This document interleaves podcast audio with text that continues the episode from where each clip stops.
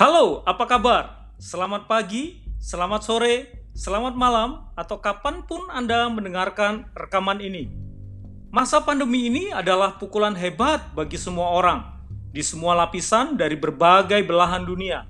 Termasuk kita, di Indonesia pun tidak terluput. Kelas ekonomi menengah mengalami pukulan yang tidak kalah hebatnya, khususnya pada sektor usaha yang terdampak langsung oleh pandemi ini. Terang saja, kehidupan yang baru saja mau menanjak terseret badai tanpa disangka-sangka. Ada yang harus menerima bayaran setengah gaji saja, bahkan sampai mengalami pemutusan hubungan kerja. Itu artinya tidak ada lagi penghasilan bulanan yang diperoleh. Perasaan semakin kalut, susah untuk tidak takut. Bagaimana membangun harapan baru sekalipun pandemi ini tidak ada tanda kapan akan berlalu? Langkah awal yang harus kita lakukan adalah menguasai diri. Ingat, aset terpenting untuk kita dapat tetap bertahan adalah diri kita sendiri. Sadari, bukan hanya kita sendiri, semua terdampak oleh pandemi ini. Jadilah tenang supaya kita dapat berpikir dan berdoa. Anda dapat menggunakan pendekatan ABCD sebagai acuan bersikap pada situasi ini. A. Atur keadaan keuangan Anda saat ini. Buat catatan keuangan yang lebih ketat. Lakukan juga inventaris atas aset yang Anda miliki, baik aset yang nyata maupun aset yang tidak nyata, seperti keterampilan dan keahlian yang Anda miliki. B. Berpikirlah kreatif dengan apa yang ada padamu saat ini, apa yang dapat dibuat? Apa yang dapat dikerjakan? Bagaimana mengkonversi keahlian yang dimiliki untuk dapat menjadi sumber pendapatan baru? Buatlah juga strategi perencanaan yang baru. C. Curahkan dalam tindakan apa yang telah direncanakan. Curahkan juga perasaan yang kita rasakan kepada orang-orang terdekat supaya kita dapat membangun kesatuan hati.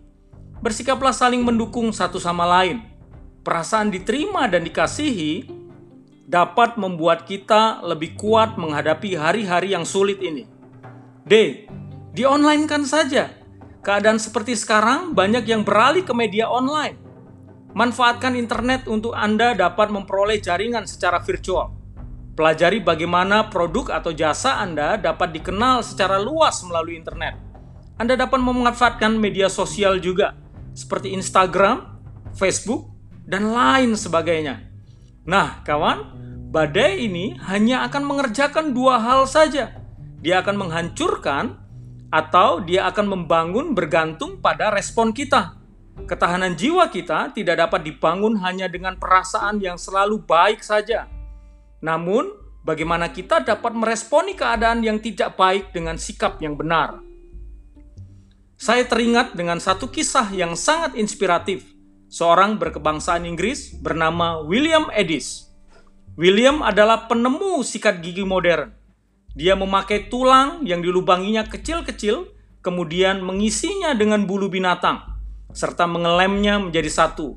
William pun menjadi jutawan setelah idenya dikembangkan menjadi sikat gigi berbulu nilon dan diproduksi oleh perusahaan Amerika bernama DuPont pada tahun 1938. Tahukah Anda bahwa saat William Edis menemukan sikat gigi ini, ia sedang mendekam di penjara.